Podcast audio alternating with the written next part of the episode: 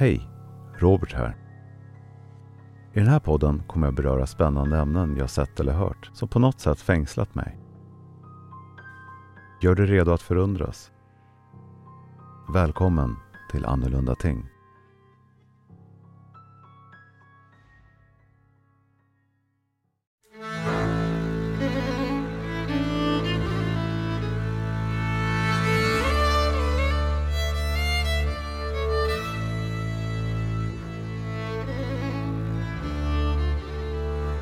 Gården Sundshult för länge sedan. På gården fanns en myling som spökade om nätterna så att folket aldrig fick någon ro. En gång strax före jul hade de besök av en skomakare på gården. Och skomakaren satt uppe och sydde om natten. När han satt där kom ett litet barn och sa Varför sitter du där? Maka på dig. Varför det? Frågade skomakaren. Jo, jag vill dansa. Nå, dansa då, sa skomakaren. När mylingen dansat en god stund gick han sin väg. Men snart kom han tillbaka igen och sa Jag vill dansa igen. Och då dansar jag ljuset. Nej, sa skomakaren. Det låter du bli. Men vem är du som far fram på det här viset?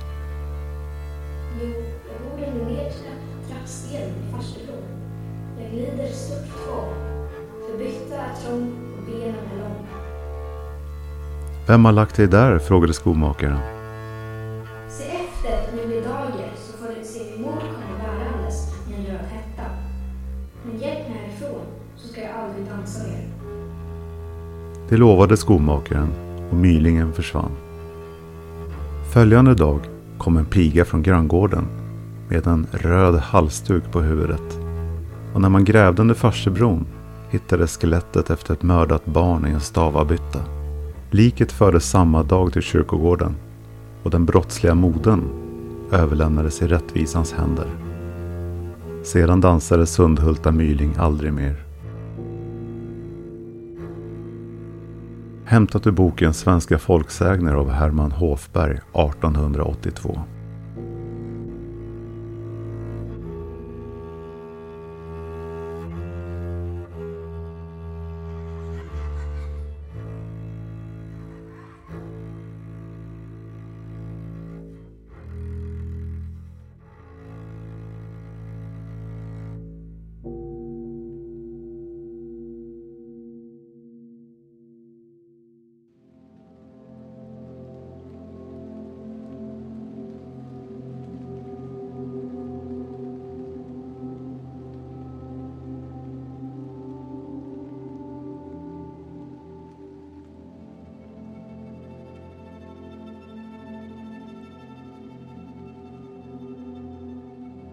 Vad är en myling?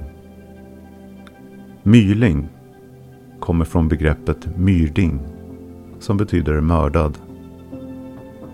Myling är en av de sorgligaste väsen i nordisk folktro. Ordet är dokumenterat i svenskt språkbruk 1647.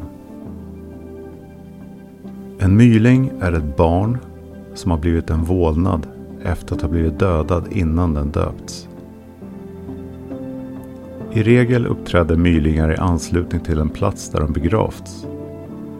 Såsom myrar, skogsbackar, gödselhögar, stenrösen, under farstubrons stenar eller till och med under stugans golvplankor.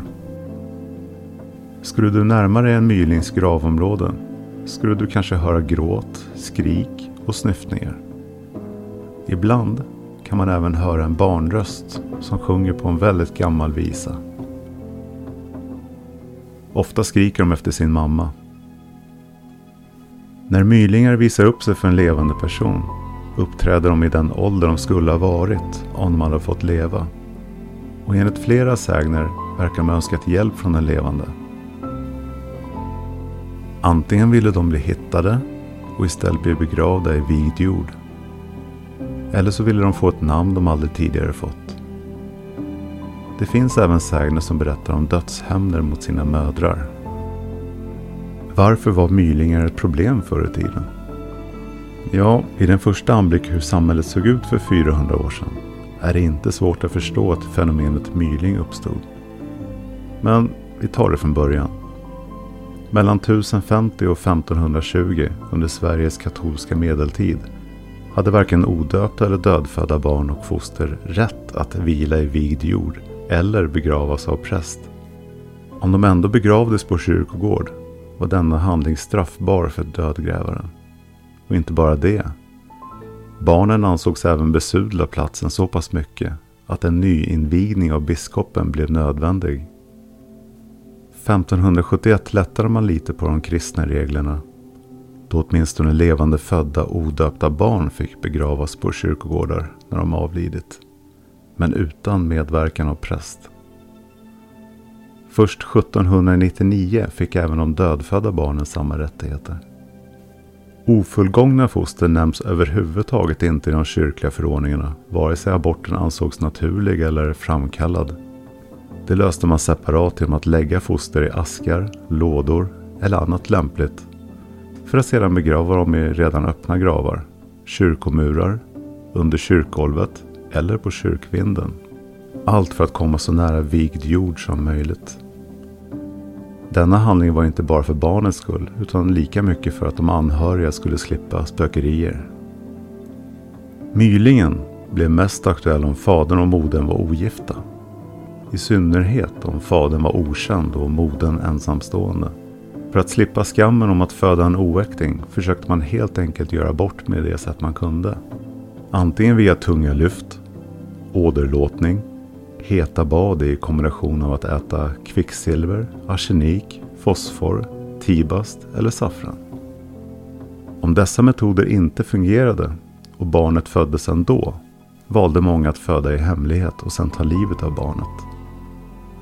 Straffet för barnamord oavsett kristet eller hedniskt var döden. Därför gömde man även barnet, ibland till och med i stugan där man bodde. Men då fanns alltså risken för att barnet skulle bli en myling. När försvann en myling? Det fanns olika metoder för att få barnet att komma till ro.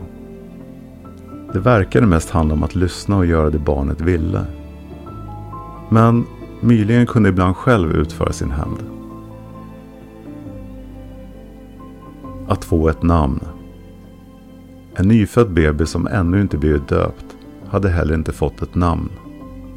Om man närmade sig en plats där mylingen var begraven kunde man ibland höra barnet ropa Ge mig ett namn. Tipset enligt folktron var antingen att ropa tillbaka och ge barnet ett passande namn. Alternativt ropa du kan ta mitt namn. Hämnd. En annan variant för mylingen att få frid är möjligheten till hämnd mot modern som dödade och gömde sitt barn. En sägen från Bergslagen berättar om en gammal torpare som var på väg hem från krogen och som tilltalades av en liten pojke med orden Morfar, morfar, får jag pappa? Där ordet pappa betyder amma. Gubben vägrade först att befatta sig. Men då pojken fortsatte att ställa sin fråga svarade gubben slutligen. Har du någon till papp så papp, men inte får du till pappa mig. Då gav sig pojken iväg. När gubben slutligen kom hem till sin torpstuga fann han sin dotter död i soffan med blodet flytande från brösten. Gubbens svar gav pojken möjlighet att ta hämnd på sin moder med sägnens ord. När pojken hade fått lov till papp så visste han vart han skulle gå.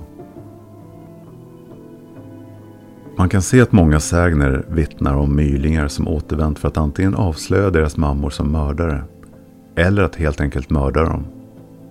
Bland annat genom att suga mjölk ur moderns bröst tills både all mjölk och allt blod sugits ur kroppen. En gissning är att eh, historier som dessa kommer till för att varna ogifta kvinnor att bli gravida. Begraven i vigd jord. Ett tredje alternativ var att få bli begraven på kyrkogården. Det skulle få mylingar att få frid och att sluta söka sig till de levande. Rester av barnlik har hittats i kyrkomurar vilket tyder på att folk i desperation ska ha försökt förebygga eller få bort mylingar. Tror dagens människor på mylingar? En undersökning från föreningen Vetenskap och folkbildning från 2015 visar att 37% av Sveriges invånare tror på paranormala fenomen. Det vill säga övernaturliga händelser som inte kan förklaras av vetenskapen. Men hur många som tror på just mylingen från gamla folktron kan vi bara gissa.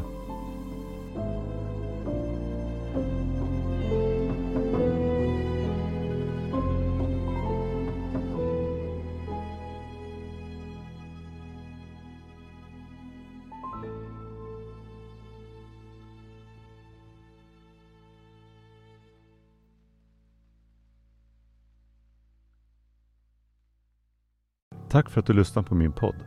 Om du tycker om innehållet, berätta gärna för andra och betygsätt också. Det uppskattas väldigt mycket. Jag heter Robert och vi ses i nästa avsnitt av Annorlunda Ting.